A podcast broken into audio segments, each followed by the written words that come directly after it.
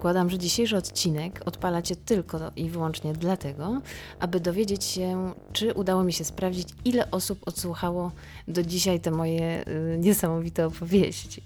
I są to aż 102 osoby, którym bardzo dziękuję i jest mi bardzo miło Was tutaj gościć.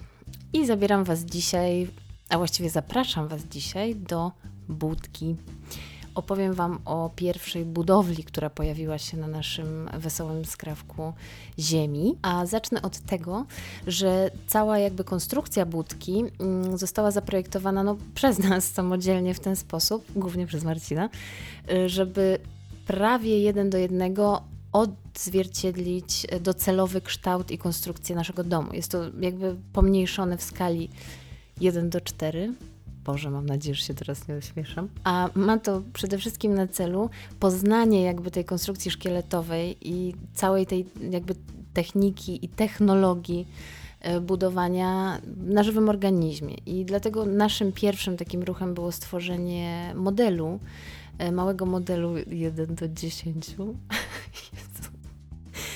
Nie, słuchajcie, kiepsko u mnie było z tego przedmiotu, ale o ile dobrze pamiętam, to jest 1 do 10. Yy, e, takiego modelu w domu, który Marcin wycinał i tworzył z balsy, a ponieważ chodził przez pół swojego dziecięcego i nastoletniego życia do modelarni i konstruował różne rzeczy, to wyszło mu to całkiem świetnie.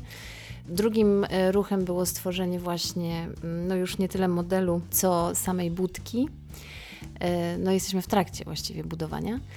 E, a trzecim punktem będzie nasz dom, więc e, w ogóle tak się mówi, też słyszałam, że pierwszy dom buduje się dla wroga, drugi tam dla kogoś, nie wiem, na sprzedaż, trzeci dla siebie, czy coś takiego. No więc dosyć upraszczając y, te teorie, myślę, że mądrze postąpiliśmy i że nie będziemy żałować właśnie takiej decyzji. Wiele osób nas pyta w ogóle, jaki sens ma budowanie budki mm, tą metodą szkieletową, dlatego że generuje to większe koszty niż na przykład postawienie, nie wiem, blaszaka. I to w ogóle już zaczęło zakrawać o taki absurd, że na przykład Marcina rodzice zaproponowali nam, że oni, oni już nam zapłacą za ten blaszak, żebyśmy już po prostu go wzięli i mieli gdzie trzymać te rzeczy.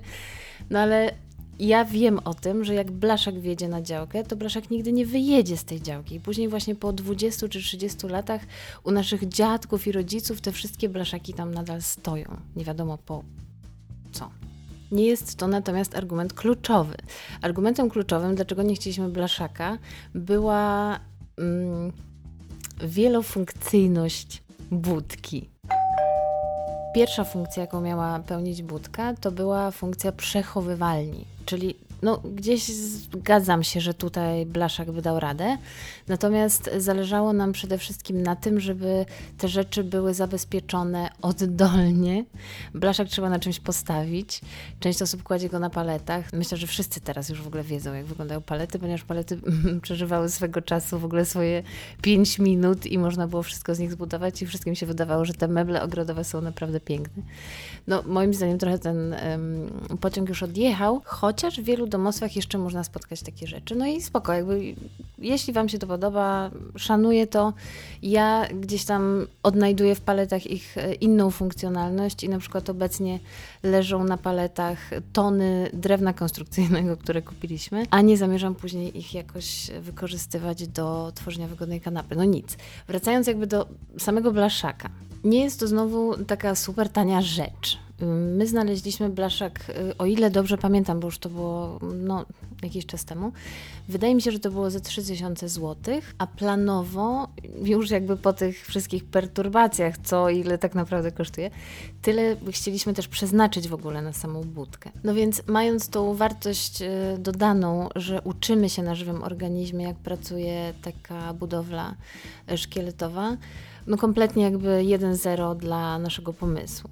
Tutaj chciałam też zaznaczyć, że przechowywanie rzeczy bezpośrednio na działce było dla nas naprawdę jednym z priorytetów, dlatego że ta działka no nie ma nic, tam nie ma prądu, nie ma wody, więc my właściwie ze wszystkim musieliśmy, musimy no, do dzisiaj jeździć na przyczepce dystans, który mamy, jest bardzo duży i właściwie każdy dzień wymaga tak naprawdę nieco innego sprzętu. Jednego dnia potrzebujemy mieć agregat, drugiego potrzebujemy mieć tu taką wielką, o Jezu, śrubę tą do wiercenia, wiertnica, o, to się nazywa wiertnica. mm, innego dnia podkaszarkę moją, y, trzeciego dnia potrzebujemy mieć na przykład kompresor. No, te rzeczy zajmują dużo miejsca, ale wymagają też tego, żeby codziennie się przepakowywać. No więc cały proces w ogóle, żeby wyruszyć od nas do Dupiejewa zajmuje średnio od pół do godziny. Czasem jeszcze oczywiście trzeba zahaczyć jakiś tam obi, czyli roja i to się przeciąga, w wyniku czego bardzo często docieramy tam, albo Marcin dociera sam, bo teraz mamy taki trochę podział, że ja jestem od czwartku do soboty, a od poniedziałku do środy Marcin jest sam. E, więc to się przeciąga do tego stopnia, że on potrafi tam dotrzeć na przykład na 14. No więc ten dzień staje się krótszy, Aha, i jeszcze jest w ogóle proces rozpakowania tej przyczepki na miejscu, i później trzeba zostawić sobie ten taki, wiecie, zapasik przed zmierzchem, żeby wszystko spakować. Więc dążyliśmy do tego, żeby jak najszybciej wyeliminować te całe mm, bzdurne, jakby poświęcanie czasu na, na, na właśnie pakowanki, rozpakowanki i tak dalej. A to wygenerowało pomysł numer dwa, a mianowicie po co w ogóle poświęcać czas na, na ten dojazd, skoro można zostać tam na noc. No i tutaj jakby pojawia się już nie blaszak, ale gdzieś te głosy z, z otoczenia, no to idealnym rozwiązaniem jest przyczepa albo kamper. I oba te pomysły nie są wcale takie złe, natomiast rzeczywiście wymagają pewnych nakładów finansowych. My zrobiliśmy taki rekonesans, czy ktoś ze znajomych może na jakiś czas nam pożyczyć e, przyczepę, no bo o kamperze byśmy raczej wiedzieli, że, że ktoś ma. No niestety nie ma takiej możliwości. Te przyczepy do kupienia w jakichś takich no, rozsądnych cenach powiedzmy są kiepskim stanie. Y, to są te takie, wiecie, no, old school jednoosobowe, że się wchodzi od razu na łóżko, które jest jednocześnie kuchnią i szafą i, i wszystkim. I to też nie likwiduje nam tematu, y, który z kolei ma w swojej funkcjonalności blaszak, czyli przechowywanie rzeczy. To byłoby spanie, ale nie mielibyśmy gdzie trzymać tych wszystkich y, agregatów i tak dalej. Dlatego bramka numer 2, 2-0 dla budki. Marcin wymyślił, że zrobi tak jakby na piętrze, czyli dokładnie tak jak będzie to w naszym domu, będziemy mieli antresolę, to on tutaj zrobi taką, no jakby pryczę, na której będzie mógł się po prostu przekimać. I jasne, że nie będzie to nie wiadomo jak komfortowy Sheraton i trzeba będzie zjeżdżać tutaj e, do domu, nie wiem, co 2-3 dni, ale jest to już jakaś forma, no takiego komfortu, że rzeczywiście budzi się na miejscu, o 6 rano, to jest niemożliwe, ale odkryliśmy, że jest tam tak ciepło i duszno, że prawdopodobnie rzeczywiście budziłby się razem z bażantem i wypijał kawę, no i zaczynał działać. No, 2-0 jak nic. Chciałabym y, jednak dać jakiś punkt Zbyszkowi, ponieważ na etapie naszego tam, wiecie, no, organizowania się i wymierzania w ogóle tej budki, bo to wszystko trwa strasznie długo, mimo że przeznaczamy sobie na coś na przykład jeden dzień i dzisiaj to już na pewno będzie tak, to zazwyczaj się to wydarza w ciągu tygodnia, a nie jednego dnia. No i jak sobie tak tam mierzyliśmy i byliśmy, wiecie, jeszcze w, w lesie, to nagle jedzie Zbyszek, który przejeżdża takim swoim osobowym samochodem z podpiętą przyczepą kempingową i zatrzymuje się, otwiera szybę i no, dzień dobry sąsiedzi. I my zdziwieni w ogóle, że on jedzie z przyczepą kempingową, więc pytamy, no po co? On mówi, no to dla pracowników, żeby mieli gdzie spać. I my tak po sobie, no spoko. A drugiego dnia z kolei przyjeżdżał już e, HDS, no i transportował mu właśnie piękny, nowiutki, błyszczący blaszak. Więc poszliśmy w dwa różne kierunki.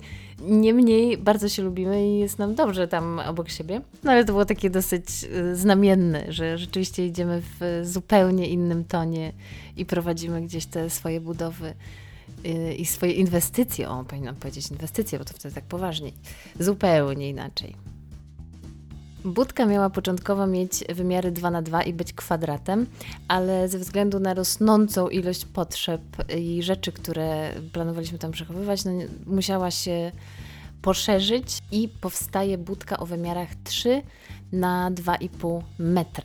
Jest to też w ogóle bardzo fajny wymiar pod y, panele, ponieważ my chcielibyśmy czerpać energię ze słońca, ale nie tak jak Stachurski, znaczy on chyba czerpał z powietrza, ale taką energię, no rozumiecie o co chodzi, prąd.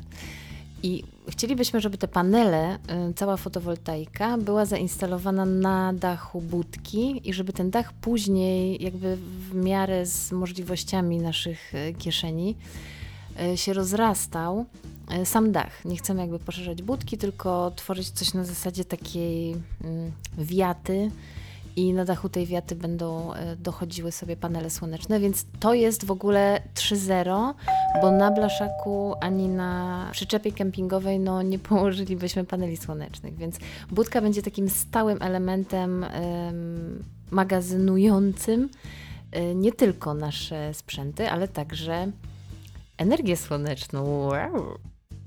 Czwarty punkt dla budki jest bezdyskusyjny i wiąże się z tym, że budka będzie toaletą. Nie dam rady z y, tą budowlą z drewna, która ma drzwi i na drzwiach jest serduszko i Marcina ciocia mówi na to domek z serduszkiem. To są takie budowle, które później już wrastają w ziemię i ich się nie da y, wyplewić w ogóle. To jest jak chwast, albo tak samo jak blaszak. I ja sobie z tym nie dam rady. Dlatego już na etapie planowania budki zrobiliśmy podpięcie również z budki pod mm, szambo. Nie wiem w ogóle po co rozwodzę się na ten temat. 4-0 dla budki.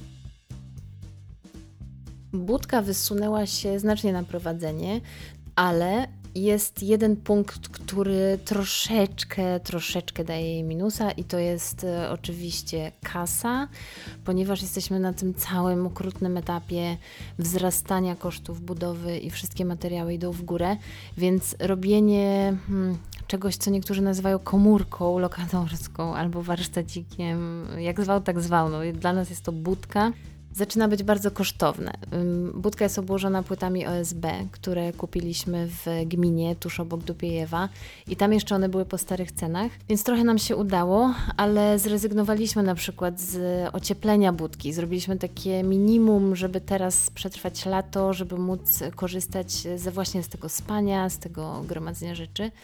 No więc trochę wydarzyła się taka sztuka kompromisów, na które, tak jak w prawdziwym, dorosłym i dojrzałym związku czasem trzeba iść. No i taki związek trochę tworzymy z budką. Na kompromis natomiast nie mogliśmy iść, jeśli chodzi o dach, bo nie wyobrażam sobie na przykład papy. Są pewne kompromisy, ale i kompromisy powinny mieć swoje granice, i tutaj jest moja. Ja wymyśliłam sobie, że będzie to blacha na rąbek, ale jak zaczęłam sprawdzać ceny, no to wyszło, że metr kwadratowy blachy na rąbek kosztuje, no, powiedzmy, że można znaleźć między 60 a 70 zł. Nie chcę być precyzyjna, bo no, są różne okazje, są wyprzedaże i są też oferty bardzo drogie, więc zachowajmy jakąś taką granicę bezpieczną. Udało mi się znaleźć ogłoszenie w internecie. Ktoś zamówił e, blachę na swój dom i okazało się, że zamówił ją źle. I to jest super okazja. No, my możemy jakby sobie na to pozwolić, ponieważ skala naszych budynków jest e, dosyć mała. Rozumiem, że budując taki dom, jak to lubią Polacy, 200 metrów kwadratowych dla, wiecie, rodziny 2 plus 1, no to się raczej nie uda, ale w naszym wypadku się to dosyć fajnie sprawdza. Pojechaliśmy tam pod wskazaną lokalizację, no i okazało się, że już zostały takie resztówki, że już ludzie to przebrali wzdłuż i wszerz ale udało nam się z tego wyciągnąć 8 6-metrowych kawałków. Jest to jakby nie patrzeć duży sukces, ponieważ na naszą budkę potrzebowaliśmy 6 3-metrowych kawałków. W związku z czym z tych 8 wymyśliliśmy, że będziemy mieli idealną kontynuację dachu e, jakby dalej, już pod panele i pod tą, nazwijmy to jakoś tam wiatę. E, no więc kupiliśmy to. I ja nie mogłam sobie oczywiście darować, więc poszłam tam e, jeszcze troszeczkę potargować tą cenę. Ale to głównie dlatego, że ta blacha nie, no nie jest taka idealna. Zdarzają się jakieś tam załamania, plus y, no rzeczywiście musieliśmy grubo posortować te pozostałości. No więc weszłam do biura, tam była pani, no i zaczynam jakby z nią tą rozmowę, że no może coś tam jeszcze, ona mówi spoko, mogę Wam zejść 40 zł na całości, jeśli zapłacicie gotówką. No i finalnie zapłaciliśmy za metr kwadratowy 22,50, więc cena jest no, niebagatelna i nawet na skali takiej małej budki robi e, bardzo fajną różnicę, więc to taka zdobycz, z której jesteśmy bardzo dumni i w ogóle wyjeżdżając stamtąd przybyliśmy sobie piątkę tak e, młodzieżową. I oczywiście nie mogłam na tym skończyć, tylko poszłam do tej pani, która już i tak zrobiła nam bardzo miło. I zapytałam się jej, czy często mają takie okazje, że na przykład ktoś coś źle zamawia. No i pani tam mi opowiada, że nie, że teraz to już wszyscy co do centymetra, bo nie ma kasy, bo nie ma produktów, bo materiały budowlane skaczą i tak dalej, i tak dalej. I na koniec ja do niej mówię, no dobra, ale czy jakby się zdarzyło, to czy ja mogę zostawić swój numer telefonu, bo my jesteśmy łowcami okazji. Jest mi tak wstyd. Ale trudno, no muszę z tym żyć. Jak również z tym, że nie mogłam zostawić swojego numeru telefonu i do mnie nie zadzwonią. Więc przy domu będę musiała śledzić. Może uda mi się podobne y, okazje znaleźć. I teraz 5-0 dla budki. Blaszaka, jak i również przyczepy kempingowej, tudzież kampera, nie można. Y, a, dobra, no na upartego można, ale nie można upiększyć elewacją. Elewacja to jest taki bardzo sympatyczny motyw dla mnie. No takie bawienia się, wiecie, estetyką, poszukiwania troszeczkę tego, co tak naprawdę chcielibyśmy mm, tą budką pokazać. I ten proces przebiega bardzo sympatycznie, bo mierzymy się troszeczkę też z przekładaniem tego na dom i już trochę nie możemy się doczekać, że zobaczymy, jak to będzie wyglądało, nawet na takiej małej skali. I wy, wybraliśmy taki główny motyw elewacyjny i opowiem o nim, zakładam, że przy budowie domu. No budka to na razie jest budka. Przy budce pojawił się inny temat. Temat starego drewna ze stodoły, który, o czym nie wiedziałam, jest strasznie popularny teraz i jak zaczęłam sprawdzać ceny starej stodoły, to to drewno jest na wagę złota. Nawet żartowaliśmy sobie, że można oszczędności trzymać, wiecie, teraz y, w drewnie ze starej stodoły. Są nawet w ogóle takie firmy, które oferują ci, że rozbiorą twoją stodołę i zbudują ci nową tak jakby za darmo, albo też na przykład zapłacą ci w ogóle jeszcze dodatkowo za to drewno. No więc musi być to jakiś opłacalny biznes.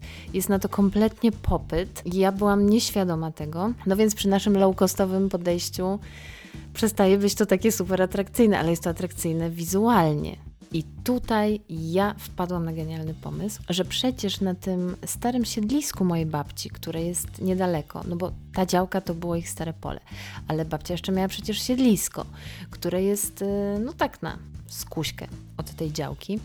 Y, stoi stara stodoła. I ja wiem o tym dlatego, że we wrześniu była dziewięćdziesiątka mojej babci, robiliśmy, no jako taki główny motyw y, prezentowy, zrobiliśmy film który opowiadał o życiu babci. Pojeździliśmy w takie kluczowe miejsca i między innymi zawędrowaliśmy właśnie do Dupiejewa i znaleźliśmy działkę, która e, no właśnie była siedliskiem, stoi tam dalej dom, e, stodoła. To wszystko jest kompletną ruiną i jest to strasznie takie o, dotykające, że, że to tak starzeje się, no, jak, jak babcia. Ale to nie wchodząc już w te, w te takie rejestry, E, było to przeżycie niesamowite i z tą stodową, która tam stoi, którą zresztą ktoś już okradł w połowie, e, wiążą się historie z dzieciństwa e, mojej mamy i jej braci. I te historie też w tym filmie się pojawiają. I cały ten projekt był w ogóle taką niesamowitą przygodą. I ja tutaj teraz pomyślałam sobie, a gdyby tak tą budkę obłożyć drewnem ze starej stodoły, no przecież to byłoby coś wspaniałego. Taki akcent babciny. Nawet przez chwilę sobie pomyślałam, że chyba właśnie tego brakowało mi w tym całym pomyśle. Takiego, m, takiej kropeczki nad i. Jak to mówią e, tutaj na tym osiedlu, gdzie mieszkamy, takiej truskawki na torcie. No i ta stodoła. I tu się zaczyna moja, słuchajcie, główna pasja, a moją główną pasją, no moją i Marcina, jest robienie śledztw. I jak tylko mamy temat do śledztwa, to wtedy spędzamy na tym cały wieczór i sprawdzamy wszystkie możliwe ścieżki. No i tutaj śledztwem okazało się znalezienie właścicielki tej działki. Zważywszy, że mamy RODO, to nie było absolutnie żadnego problemu, żeby sołtys, który przyjął nas no, praktycznie w gaciach, e, powiedział nam imię i nazwisko, nawet dał e, no, jakąś tam dodatkową daną. Nie pomogło to. E, poszliśmy więc e, do gminy. W gminie dali nam inny adres, ale to samo imię i nazwisko. Pani Monika W. jest osobą niezmiernie popularną w internecie, gdyż tych Monik W jest bardzo dużo. E, natomiast miałam taką wskazówkę, że ta pani mieszka w miejscowości na EU. No i kto mi pomógł? No, Facebook mi pomógł. Udało mi się znaleźć na Facebooku. Oczywiście tam nie było e, żadnych danych, ale w cover foto miała swój numer telefonu, kumacie to? Ponieważ jest krawcową. No i udało mi się w ten sposób ją namierzyć. Dodatkowo też sprawdziłam, że ona jest w ogóle gdzieś sołtysem i mimo, że nie ma telefonów sołtysów w internecie, to zadzwoniłam tam do jakiegoś starostwa, pod które ona podlega.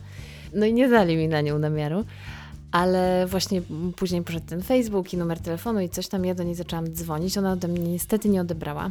Pomyślałam sobie, że na pewno załatwia jakieś bardzo ważne y, wiejskie sprawy, więc y, napiszę jej SMS-a. I tutaj będę cytować tą w ogóle bardzo ciekawą rozmowę. Piszę ja. Pani Moniko, nie wiem, czy trafiałam pod właściwy adres. Szukam właścicielki działki w Dupiejewie. Jeśli to poprawny numer, będę wdzięczna za kontakt. Pozdrawiam serdecznie, Weronika. No i tu mija, ja w ogóle wtedy zasuwałam spod kaszarką, mija tam jakiś czas, ding, pani Monika. Tak to moja działka. No więc myślę sobie, o bingo, ty detektywie Ruth. Więc odpisuję dalej. Tak się rozpaliłam, taka byłam zadowolona. Dziękuję, wspaniale. Szukałam pani w różny sposób. Proszę zignorować moje dobijania się także na Facebooku, bo ja ją słuchajcie, nawet zaprosiłam do znajomych. Żeby zobaczyła moją wiadomość, no bo teraz jest ten, ta durna opcja, że jak piszesz wiadomość do obcej osoby, to ona wpada do innych i nikt tego nie czyta. Odzywam się, ponieważ ta działka była kiedyś domem moich dziadków. Mam do niej ogromny sentyment. Teraz samodzielnie robię projekt budowania małego domku, również tu, w Dupiejewie gdzie na cześć mojej babci Heni, która teraz ma już 91 lat, chciałam dać jakiś akcent z jej przeszłości. I tu pytanie o pani Stodołę. Czy jest ona może do rozbiórki? Wpadliśmy na pomysł obicia jednej ze ścian naszego domku starym drewnem i zamarzyła nam się właśnie taka konotacja i pomysł, że może ta stodoła jest zbędna lub na sprzedaż. Będę wdzięczna za informację. Jeśli ma Pani chwilę, to mogę również zadzwonić. Jeśli nie ma takiej możliwości, życzę wszystkiego dobrego i pozdrawiam Panią ciepło. Weronika. I ona mi nic nie odpisała. Więc elewację ym, postanowiłam zrobić sama i znalazłam taką technikę, która nazywa się po japońsku. Teraz będę czytać po japońsku. Shusugiban. No, nie tak daleko, mm, bo sprawdziłam sobie, to jest shushugiban, więc nie jest tak źle z moim japońskim, jak widać. I to jest taka metoda opalania drewna, które się robi ciemne dzięki opalaniu, ale jednocześnie mm, świetnie się konserwuje. Później można je mm, olejować olejem lnianym i to jest super trwałe i piękne i stwierdziłam, że mm, trudno, no nie będzie to stodoła, ale będzie to praca mych rąk i będzie to e, równie fantastyczne. Jest, jeszcze jestem przed tym procesem, ale mam też taki pomysł, że będę to nagrywać i będę to nagrywała w filmie przyspieszonym, a nie tak jak nagrywałam zdejmowanie humusu koparką e, pod budkę, gdzie niechcący nagrałam jakimś cudem film w zwolnionym tempie, więc trwa to 26 minut, a nie 6 sekund, bo wtedy bym to wrzuciła na Instagram. A tak to nie mogę. Ale wrzucę Wam zdjęcia, które zupełnie przypadkowo zaczęłam robić, tak jakby odzwierciedlając cały czas jeden kadr. Zdarzyło się to przez przypadek, ale myślę, że to jest taki dosyć sympatyczny akcent, bo w ramach tego kadru rośnie ta budka tak na naszych oczach. Mamy w ogóle taki folder, który nazwaliśmy Operacja Garnek i tam wrzucamy wszystkie zdjęcia, które robimy. I postaram się tymi zdjęciami też dzielić z Wami na bieżąco. A tymczasem y, będę musiała kończyć, bo zaplanowałam na dzisiaj jeszcze okienny research. Okazało się, że w budce potrzebne jest okno. Głównie dlatego, że trzeba będzie tam spać. Mm, jeśli nie pojawi się tam okno, to jak Marcin tam zaśnie po robocie, to ja go znajdę za dwa dni, jak przyjadę, y, ponieważ będzie to akurat czwartek.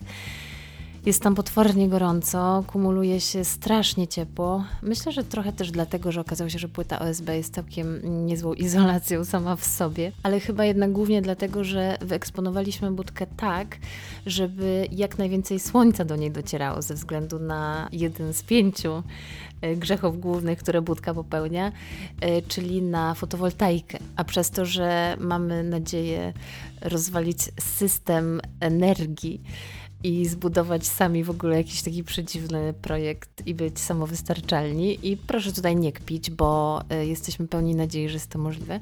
No to y, te baterie słoneczne są pierwszym krokiem do takiego naszego eksperymentu, czy jesteśmy w stanie podołać.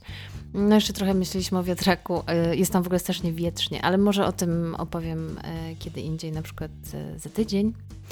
A tymczasem tak, okna. Muszę zrobić ten research, ponieważ stwierdziliśmy, że okno na zamówienie do budki, która jest no jednak wiecie, no takim warsztacikiem i za chwilę chcemy już mieszkać w domu. No więc y, wymyśliliśmy sobie, że to okno dostaniemy okazyjnie i znalazłam też dużo ofert okien z demontażu, które są y, w 100% ok i działają, mają jakieś tam na przykład rysy, y, natomiast nie są jakoś tak kluczowo uszkodzone i w zupełności na nasze potrzeby, na potrzeby budkowe dałyby radę. I znalazłam okno, które idealnie wpasuje się w tą konstrukcję szkieletową, bo jeszcze ze względu na pewien brak doświadczenia Marcin poprosił mnie, żebym znalazła takie, które idealnie wpasuje się tak jakby w tą lukę konstrukcyjną, e, która u nas jakby ten oddech między jedną belką a drugą e, w pionie wynosi 50 parę centymetrów, nie pamiętam teraz. No i dał mi takie granice, że okno może mieć szerokości 50, a wysokości do 170 centymetrów. I znalazłam ogłoszenie z miejsca, które znajduje się pod Otwockiem za 150 zł, takie okno, 50 na 164. No i dzwonię, jest, zamawiam, jadę. Było to przedziwne doświadczenie, ponieważ wylądowaliśmy, słuchajcie, na takim cmentarzysku okien. Ja w ogóle w życiu czegoś takiego nie widziałam. Taki trochę kadr z horroru. Otaczają cię tu jakaś zbita szyba, tu same ramy. No, zero w ogóle człowieka takie miejsce jak w Królu Lwie. Yy, oni się w pewnym momencie w takie ryzykowne... O, to było do hien. I my się trochę tak czuliśmy. Nie jak te hieny, ale jak Simba. Znaczy ja byłam Nalą, a Marcin był Simbą. I byliśmy po środku cmentarzyska słoni. Znaczy my byliśmy mm, po środku cmentarzyska okien. Straszne doświadczenie.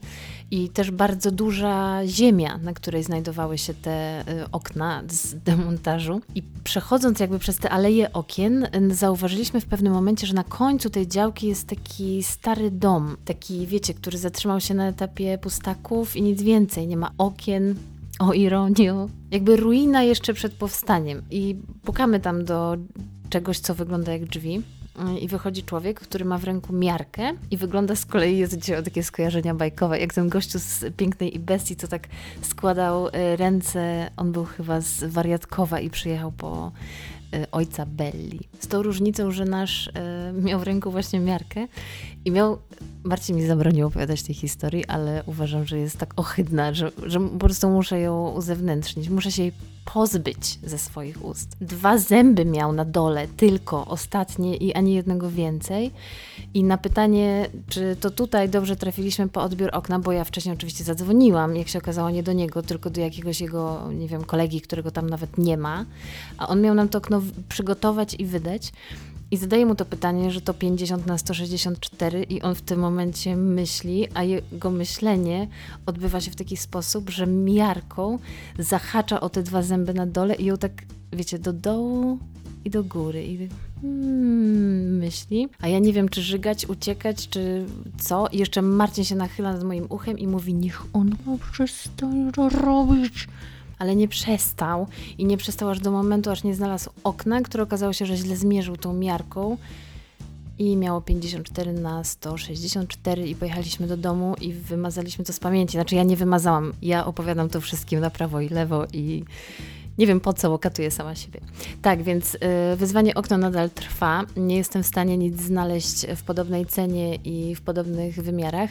Nawet pokusiłam się o wycenę takiego nowego okna i niestety zaczyna się od 400 w górę, więc trochę. No szkoda mi trochę, wiedząc, że gdzieś tam czeka na mnie na cmentarzysku słoni jakieś okno, które ma 50 na 164 ale mam hit. Sprawdziłam, y, jakie są akordy do Hakuna Matata i okazuje się, że jedy, jedyny, jakiego brakuje w moim mózgu i w moich umiejętnościach, to akord D-dur. A brzmi on tak. Znaczy pewnie brzmi trochę inaczej, bo mm, tutaj trzeba tak jakby trzy palce trzymać obok siebie i ja kompletnie nie wiem, jak to y, robić. Ale to nic. One, two, one, two, three, four. Kuna Matata. Mm, Cudownie to brzmi. Hakuna Matata. O, i teraz będzie. To nie byle mm, bzik i już się nie. Woohoo!